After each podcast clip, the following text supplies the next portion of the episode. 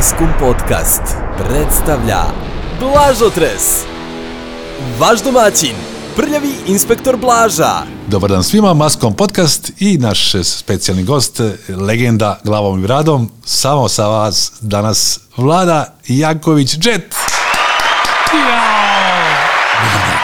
Dobar dan. Ili dobro večer, sam, Godine na šest sam pročitao u dahu, ali više nisu godine na šest, tako? Pa to je knjiga koja je bila i prošla. Sad radim novu knjigu, ali nije godin, u stvari na neki način jeste godina na sedam, jer radi se o vremenu kada sam došao u radio i ušao i ostao u radio u 10 dvojci, Godina je koja? pa 78. A, u, A ovaj, godina na sedam, pre svega ja sam bio u vojsci u, u 70. godinama, to sam izgubio par godina, mislim, po pola godine, one ključne godine 73. i četvrtu, u dva grada, verovatno. ovaj, u jednom gradu. A u jednom, aha. A drugo, ovaj, posle toga, puno toga sam propustio, to sam te kasnije vidio kad sam nadoktađivao što je prošlo, tako da se ne bih osjećao kompetentnim da pišem godine na sedam, jer ne poznajem sve stvari, situacije i tokove događaja u određenim periodima. Ali ovo što, ovo što, će, što pišem sada, što će se uslovno zove šta sam uradio, Ovaj, to se tiče baš poslednjih godina sedam- 70-ih i dobar deo 80-ih. Ovaj, moj ulazak u radio i bavljenje radijom i bavljenje radija sa mnom i, i šta smo sve uradili i šta nismo uradili. E, te, tu je još bio Minimax, je tako emisija Tup Tup. Bio, da, Mić je bio tu, on je, i sarađevali smo dosta, pošto je on u to vreme radio iza 202 ovaj, baš u vreme kad smo mi radili tu našu veliku ekspanziju 202 on je imao sutra je petak emisiju. Tako je, tako je, legendarna, da. Jako slušana. Ja sam od njega dosta tih, to danas znam, da tad nisam i znao da sam od njega pokupio neke fore i cake. Nesvesno. sam kor- pa čovjek se uči od nečeg što mu se sviđa, tako.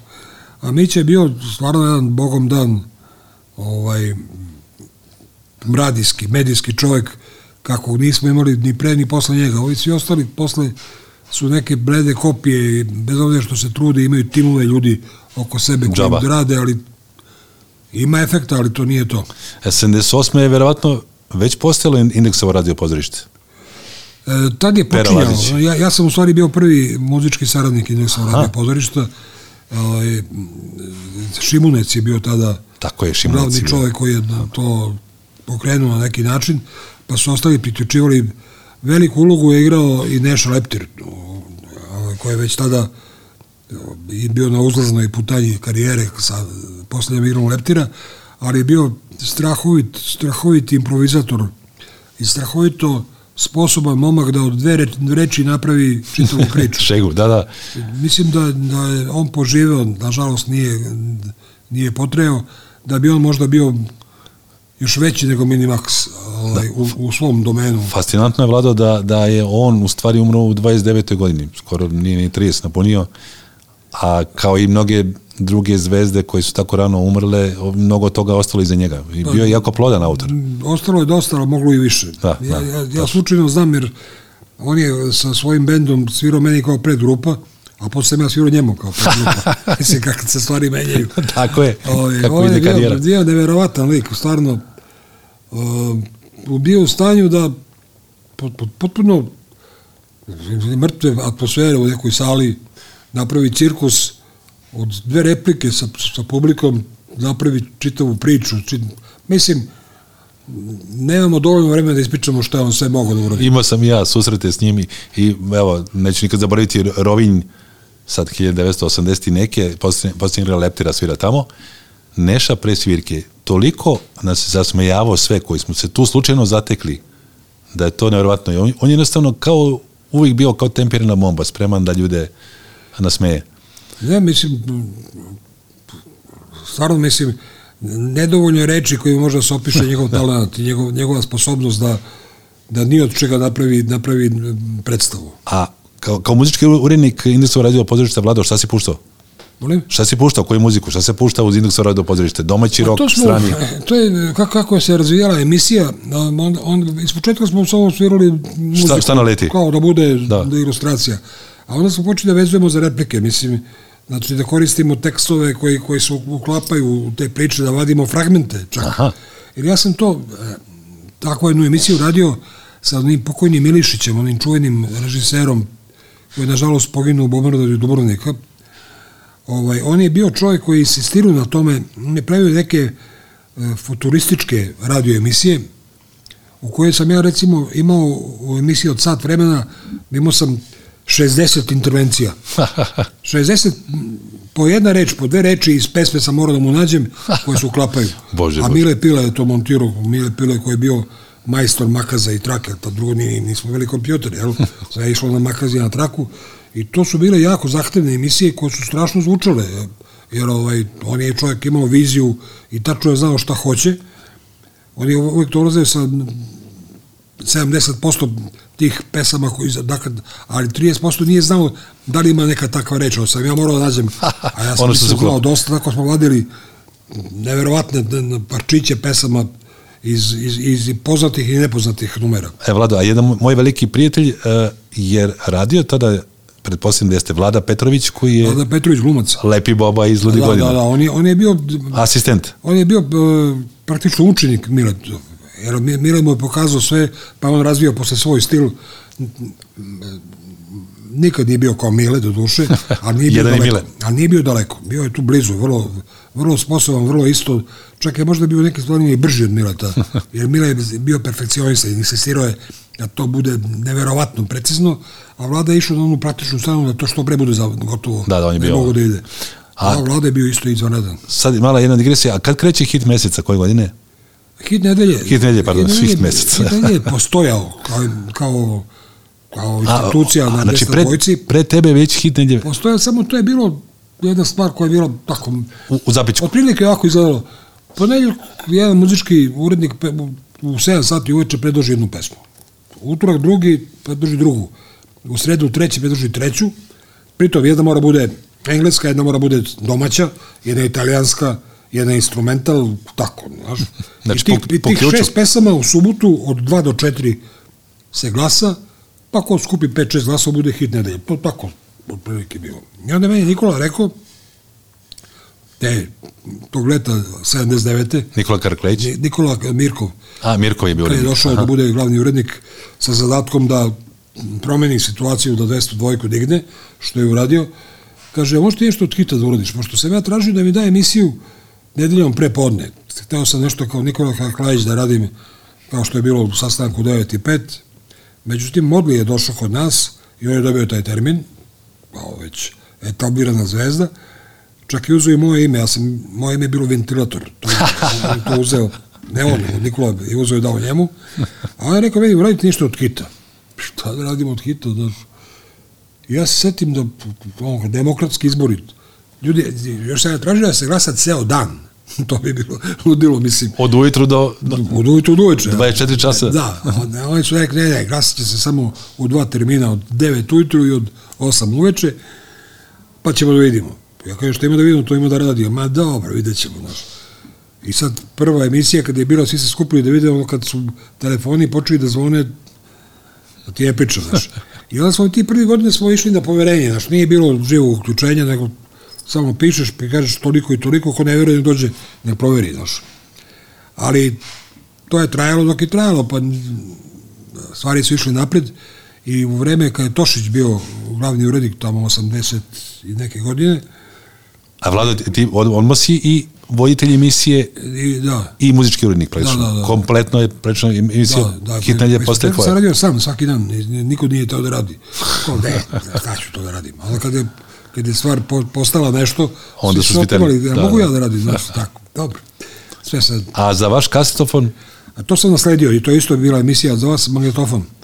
zašto se, zašto se ja ne sjećam ovaj, ničega pre tebe? Bio sam mlad, znači. Pa bio si mlad, verovatno. To, to je Raša u stvari radio kao urednik.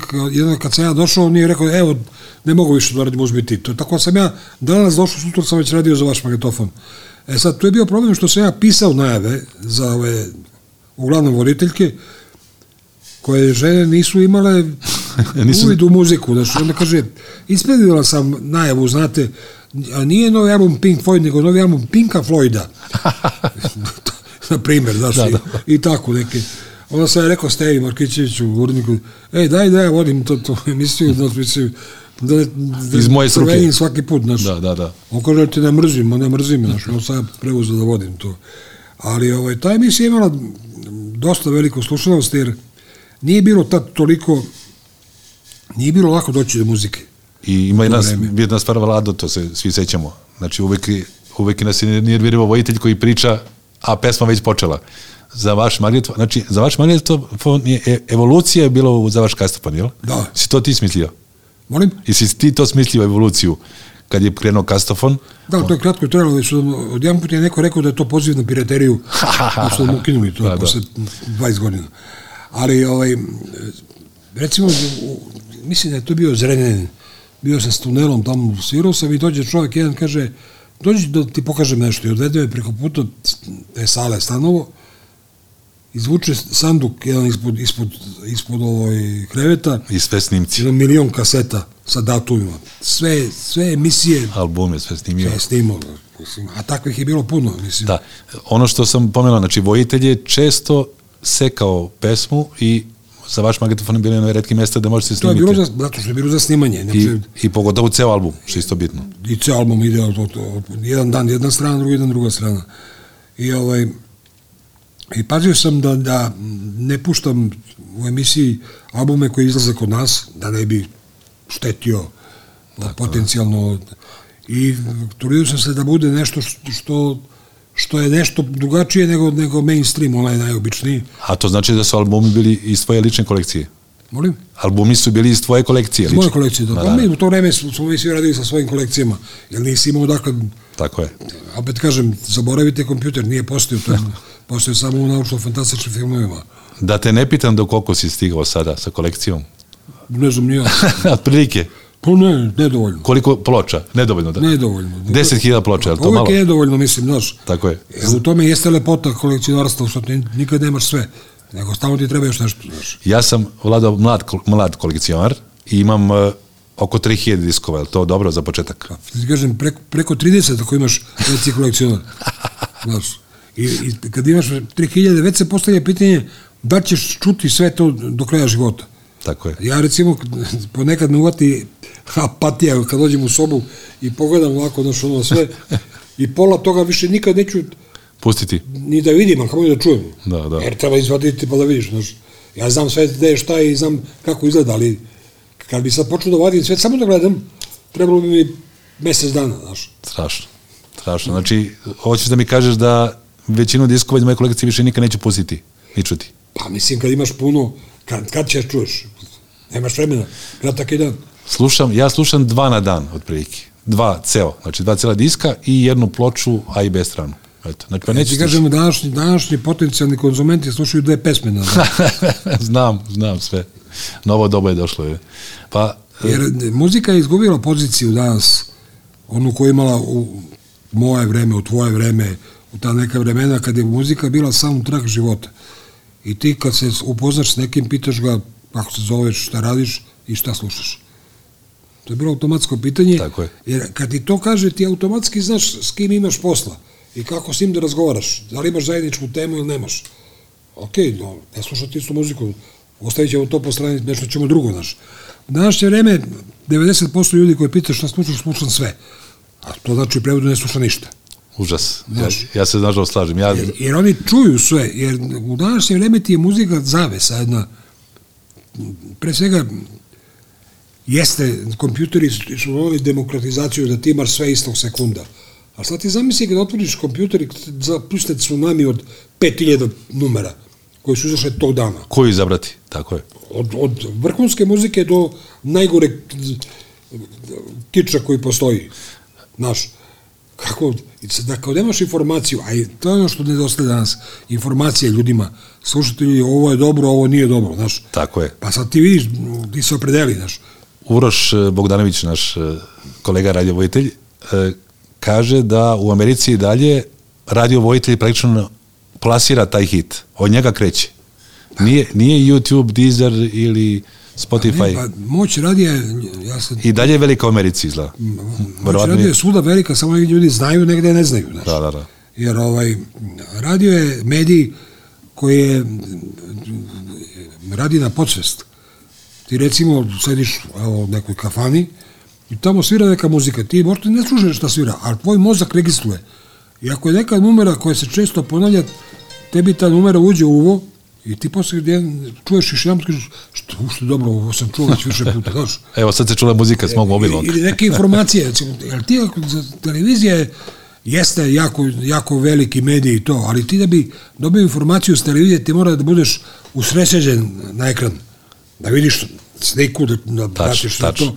A ti radio možeš da šta hoćeš po kući, da čistiš, da pereš, da telefoniraš, a on svira i automatski ti se lepi za uvo. Ako ja imam svoje ljude koji su, koji su uticali na mene kada sam odrastao, kao što jeste Vlada Jet, hvala još što se odazvao pozivu, Mića Minimax, onda čovjek koji je i ono doba kad si ti svirao i on nešto pokušavao da svira, Slabo Konjović, znam iz tvoje knjige, dobri, dobri opisi.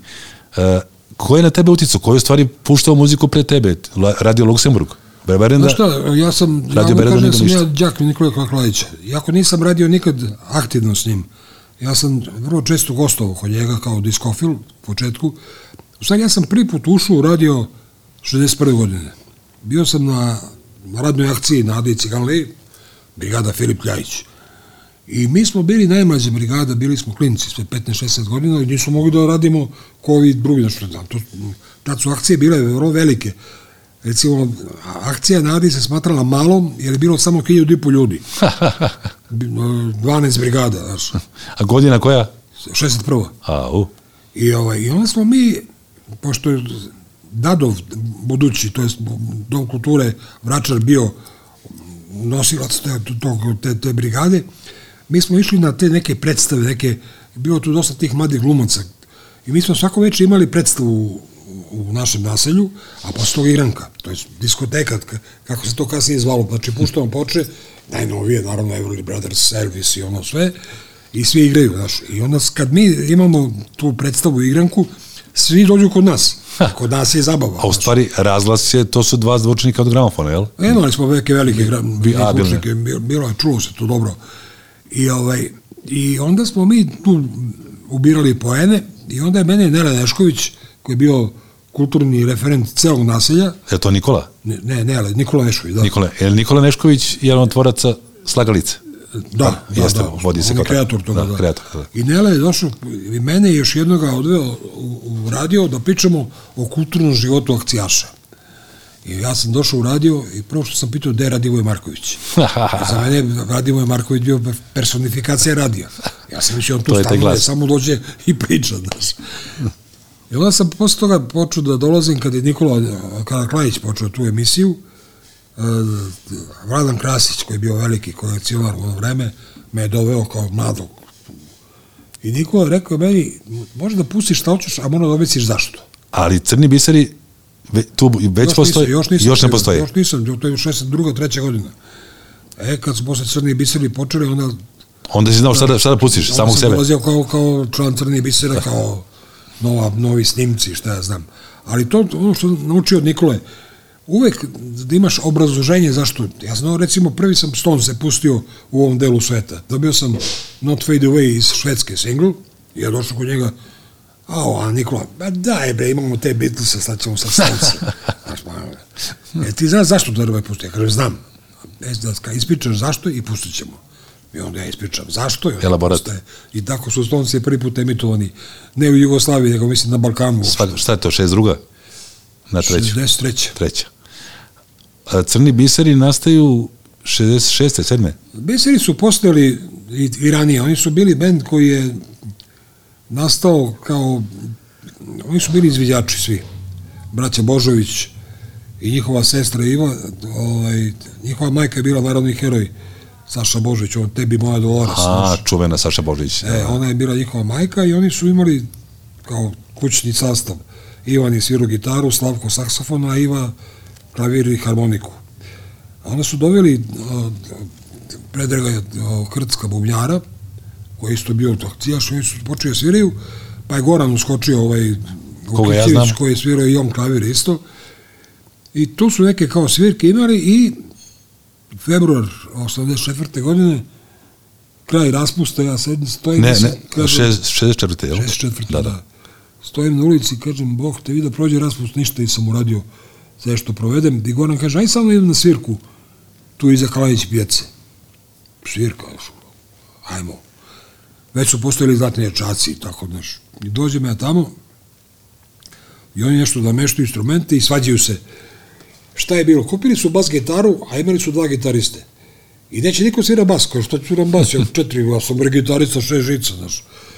I svađaju se ovaj boja, se spakuje i ode, neće svira bas i ode, znaš. Pita mene Goran, znaš ti sviraš bas? Ja kažem, ja, pa ja sviram bas godinama već. pa nemam pojma, ne znam čemu služi bas uopšte, znaš. A znam nešto gitaru se ne znam, sviram nešto, a Edur, Ed, Ador, znaš, ali bas. A pojačalo je bilo pola vata, ovojko malo, znaš, ne čuješ ništa i onako, ja se uključim i sad mi tu svirku, nešto. Oni nakon ne čuju. Pa ne čuju ništa, znaš. Ivan mi posle toga kaže, nisam čuo kako sviraš, ali dobro držiš gitaru, vidi se da znaš. I mi tu nešto kao neke svirkice, te ima, te nema, to sve onako bilo kao drugarski, kad 8. mart te godine, velika sala Vuka Ržić i mi treba sviramo tamo, i kao, ne treba vaša pojačalo, ima pojačalo ovde. Ja se uključim, pojačalo 10 vati, čuje se ko kuća.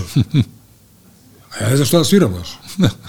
Sad se sve čuje. Sad, imam sliku na kojoj se, ja, ja prepoznajem strah koji sam, ja ne znam da sam veći strah ikad u životu i, i zašto sam puna sala, 8. mart, uglavnom žene, znaš, i devojke, i ja udarim ton, ton, činilo mi se ton je ko avion da, da leti, znaš, du.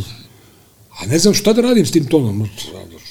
Pita me Goran, dakle je ova prva stvar, kaže Ize, evo ti me, i ne pušta me. Samo je. Oni svirio, nisu ni oni mnogo više znali, znaš, ali Ja, je li tada vlada već neko objavio uh, neki prve singlove uh, koje mogu da bude Gentleman ili neko... Prvi singl, tad, imali su iskre singl tada, Aha, iskre, da. ovaj, i zlatni ječati su imali singl u Holandiji.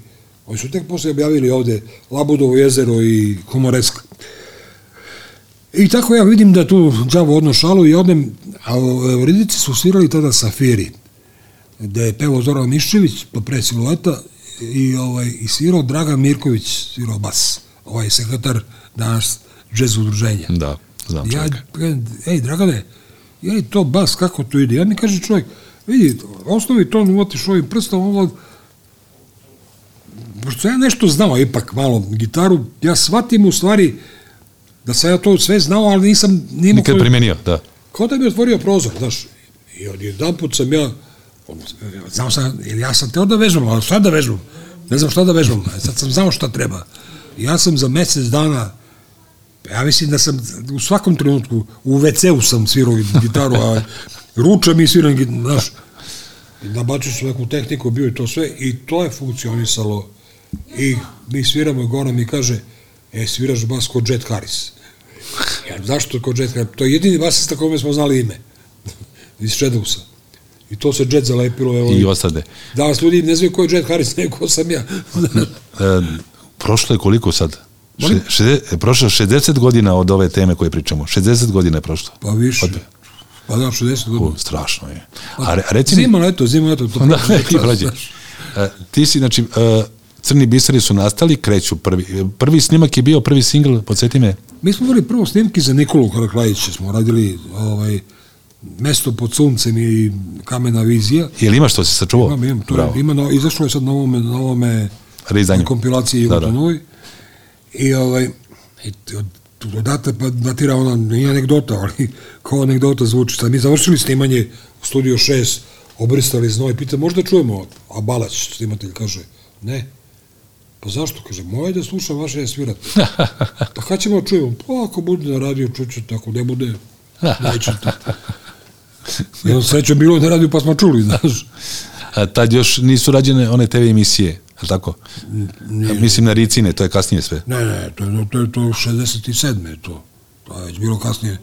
E, pa mi smo bili ricini kaskaderi i manekeni, jer smo mi isto, isto kraja bili. Evo, za samo za slu- slu- slušalce Maskom podcasta, Jomar Ristić je legendarni Jomar Ristić, da. režiser.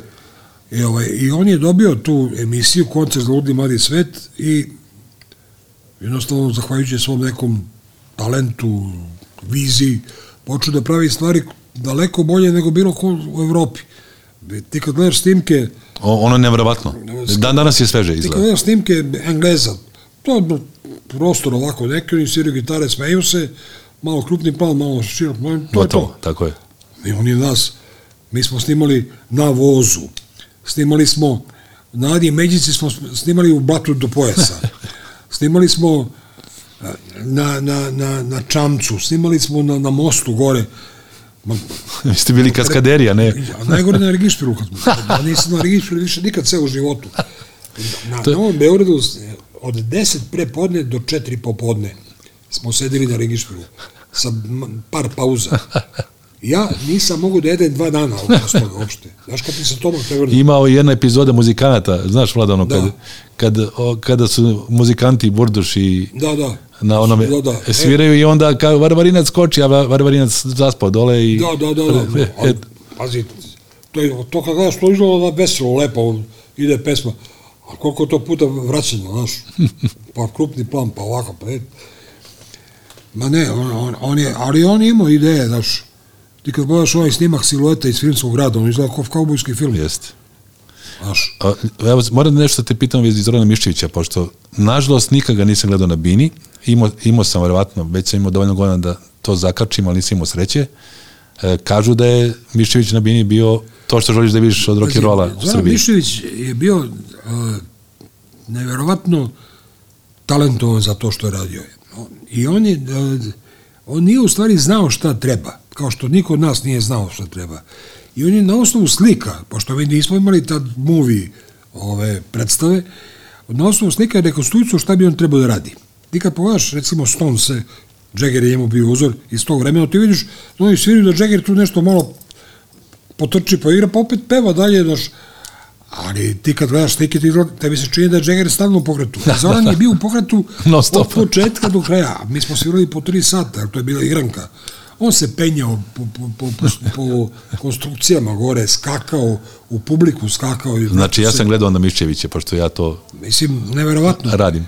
I ovaj, jedino što je bio, mogu da mu dušu prosti, lenj, nikad nijedan tekst nije znao.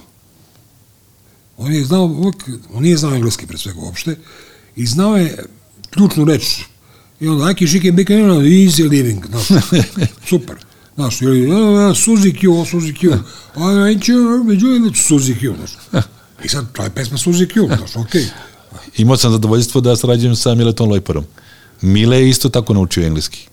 On, on je slušao malo Radio Luksemburg i kad dobije tekst, ako negde nađe, tako isto kao Miščević. Ne, bilo je, bilo je puno pevača koji ne znaju engleski, da, Da, su da. pisali ćirilicom, Tako fonetski su pisali. To sam kod Mileta video u I steci. oni Da. nauče, znaš, i onda ti kad slušaš... Miščević nije, nije ni to radio. Znaš, a Zoran nije, nije znao ništa.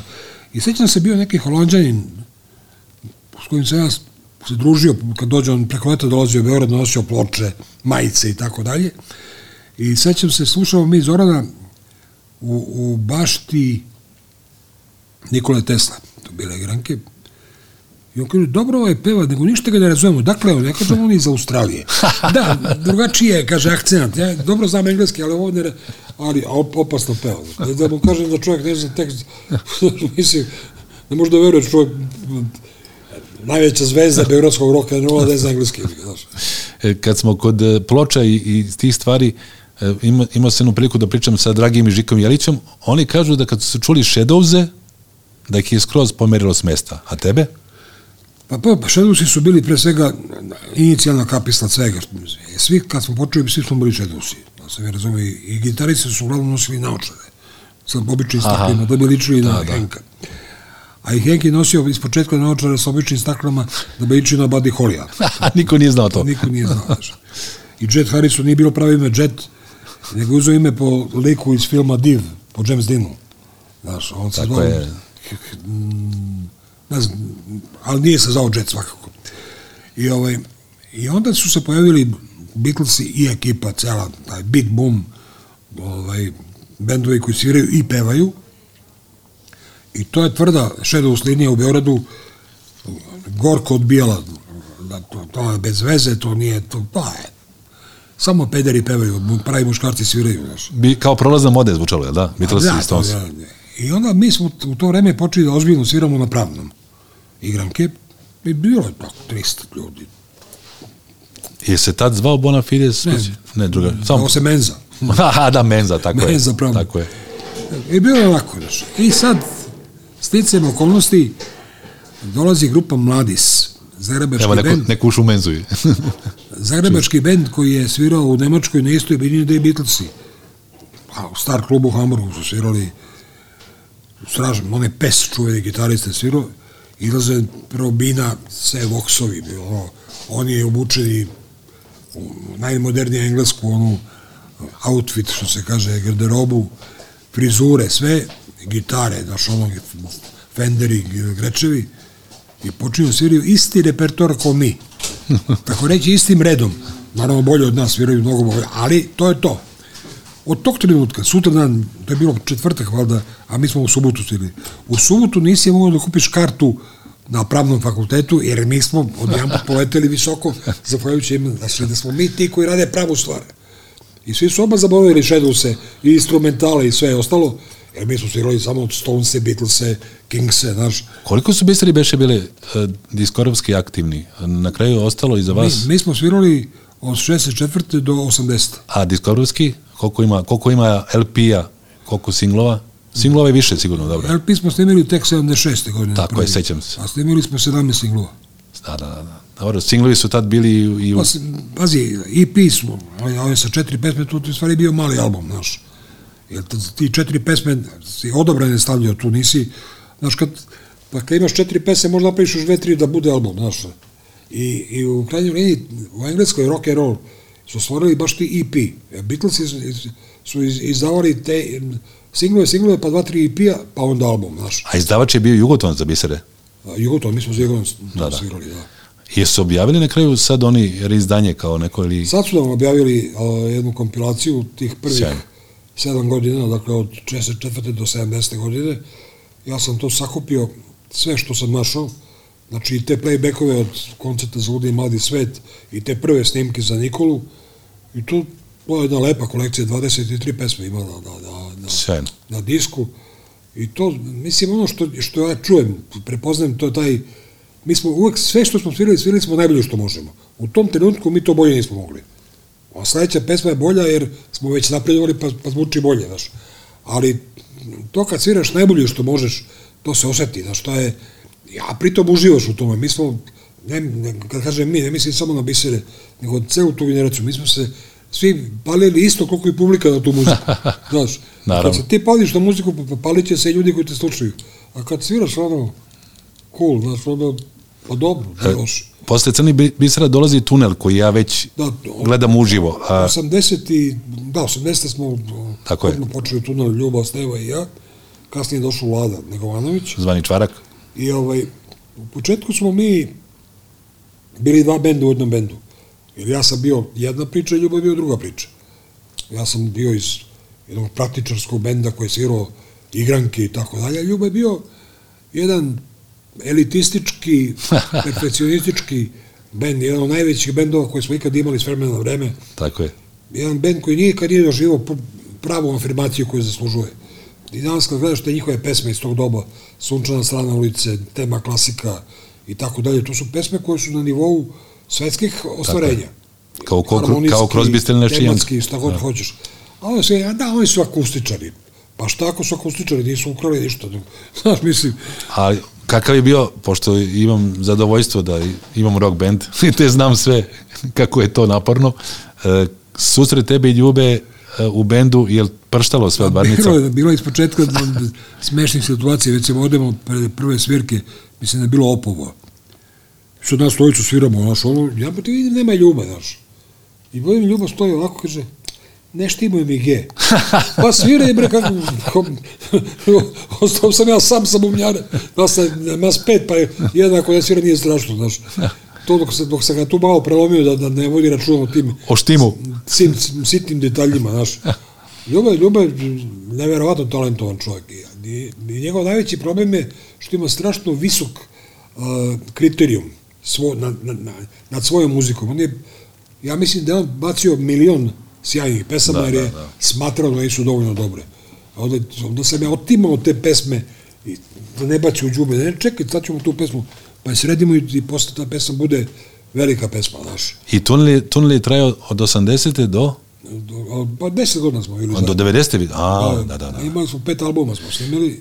Interesantno je zašto je tunel ipak se podio u periodu kad dolazi do one, možemo reći, eksplozije novog talasa, a opet je imao svoje mesto. Dok vi ste proputovali, A mi smo, vjerojatno, imali, mi smo imali taj problem. rešeto. Mali problem, to sam već pričao o tome.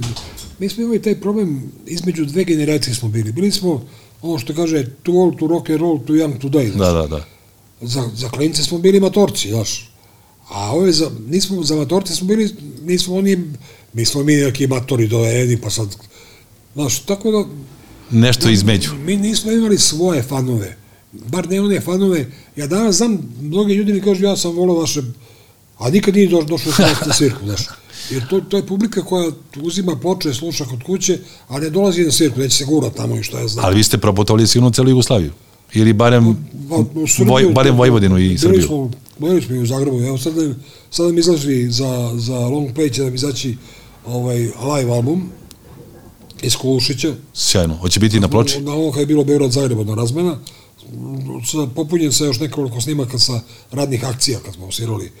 Ovaj, ali, kažem, mi smo bili, stvarno smo, najjači smo bili u živo. To, svirali smo i, recimo, kao predgrupa Dr. Phil Good u, u, u, u, u Pinkiju.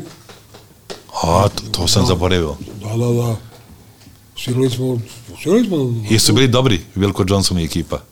Pa mislim da, da onaj Librio je bio čovjek koji najviše piva za kratko vreme možda popije. A ne vidim se, bio mršav ovako. Da, da. On je pola sanduka piva popio za 15 minuta.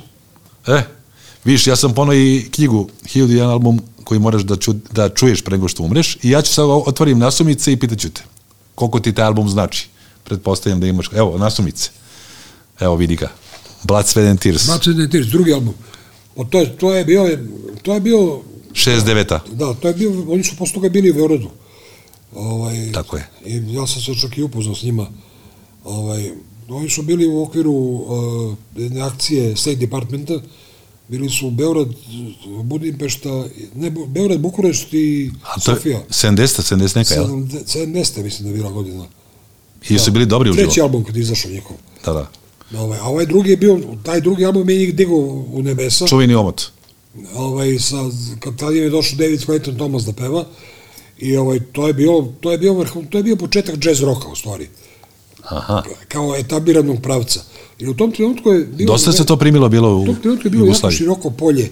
I, i ti si imao u tom un- to se zvalo se underground nova američka muzika ti si imao s jedne strane Creedence koji su bili bazični rock and roll a s druge strane si imao Blood, Sweat and Tears koji su bili vrhunski akademski obrazovani muzičari koji su svirali jednu muziku koja je na granici ozbiljne muzike, iznad džeza je bila, i to je sve bilo, sve je prolazilo, sve je to išlo i u program svetski, i taj, a taj album je, Imaš ga u kolekciji, naravno.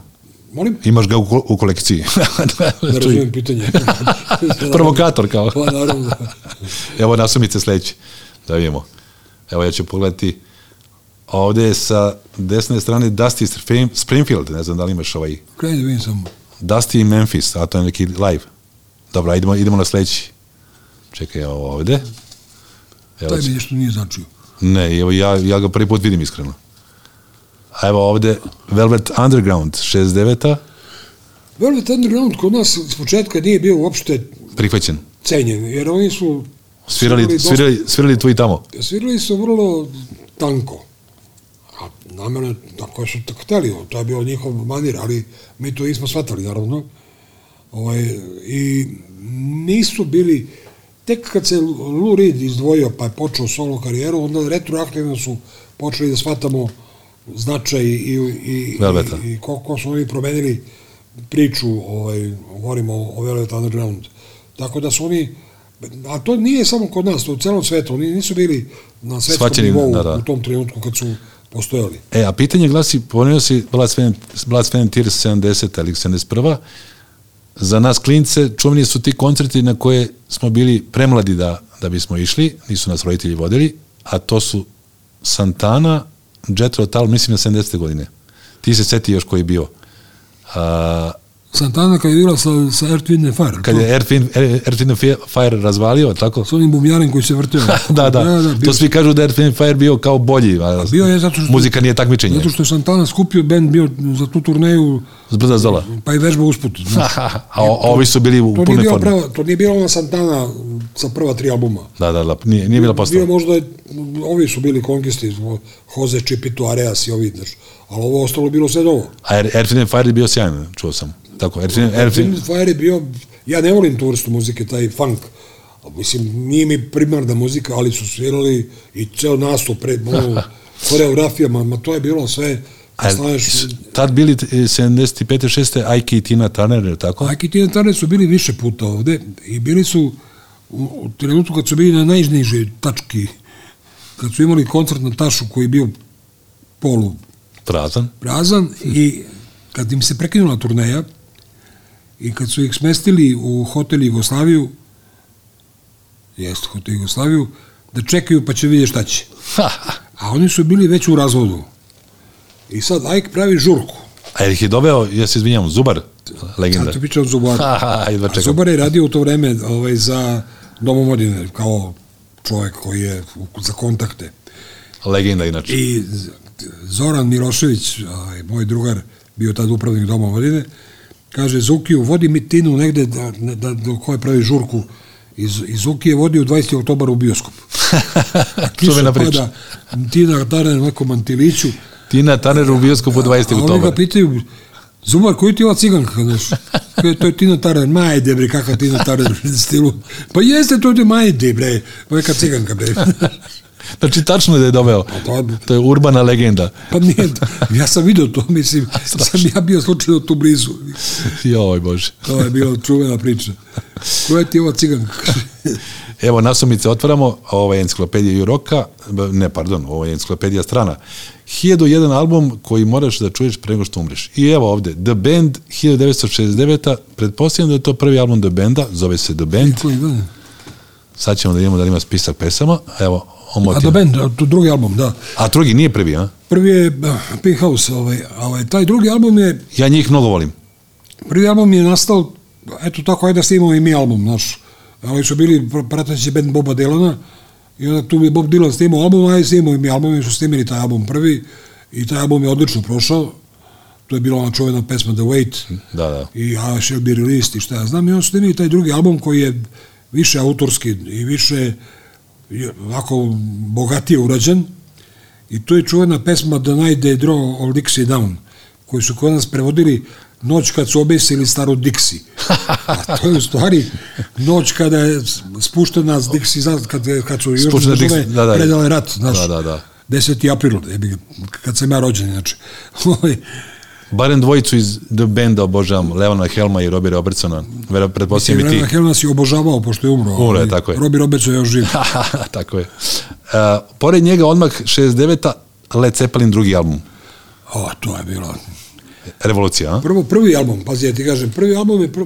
ja sam čuo bio da Jimmy Page pravi grup koja će se zvati Zeppelin, tako nije, nije bilo led još u pitanju.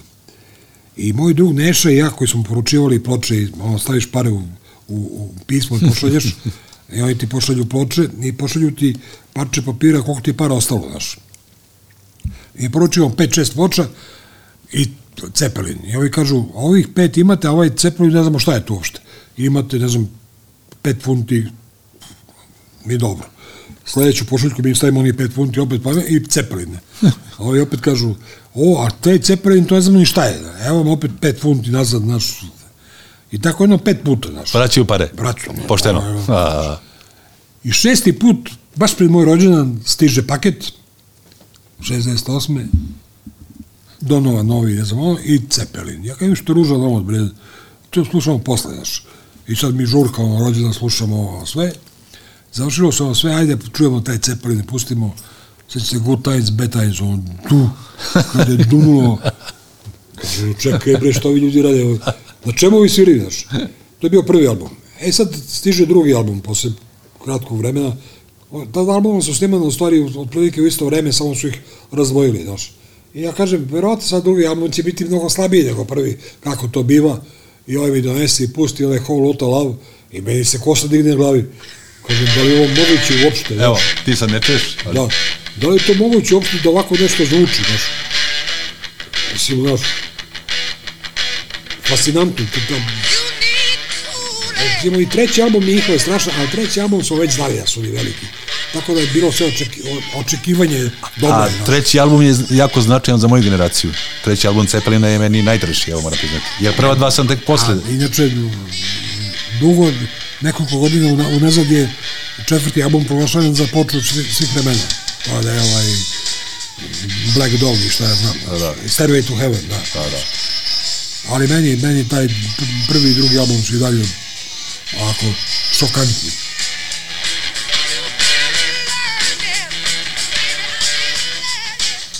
Naš gost Vlada Janković Jet i evo otvaramo enciklopediju hiljadu jednog albuma koje treba čuješ preko što umreš. Pazi ovo, Creedence Clearwater. Revival s 1970. album je Cosmo Factory. Cosmo Factory, Moram da. priznati da ga nemam u kolekciji, jel grešim? To za- je, to je, to je njihov najveći album, u stvari. I tu, po tiražu, jer oni su tad bili već veliki bend, etabliran.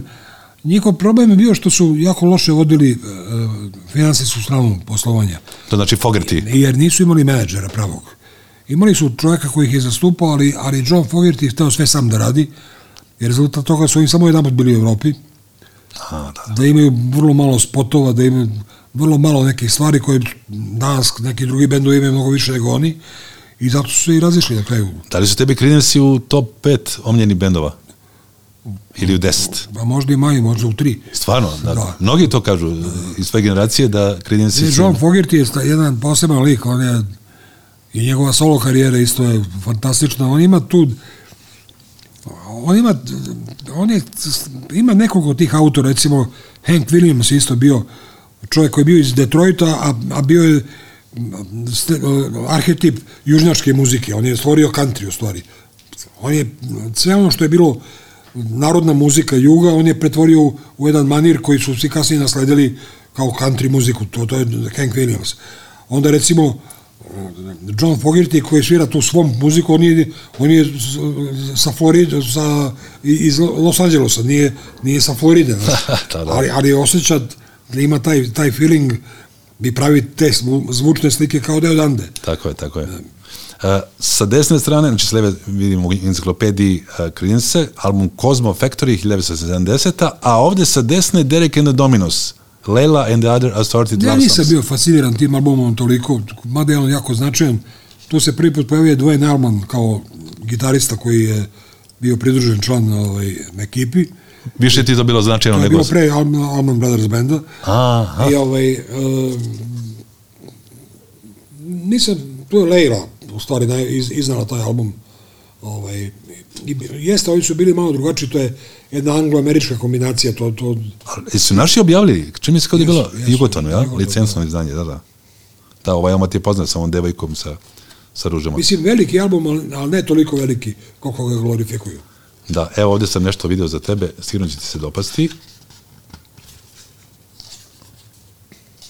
Samo da imamo koja je to godina. E, evo ga, Santana Abrasax. To je drugi album, da. To je, to je u stvari... Uh, Tu je Black Magic To je Woman. vrhunac te postave prve Santana. I ovaj komova. Jer ovaj, to, to, posle toga će Greg Rowley i Neil Sean da izađu i naprave Journey.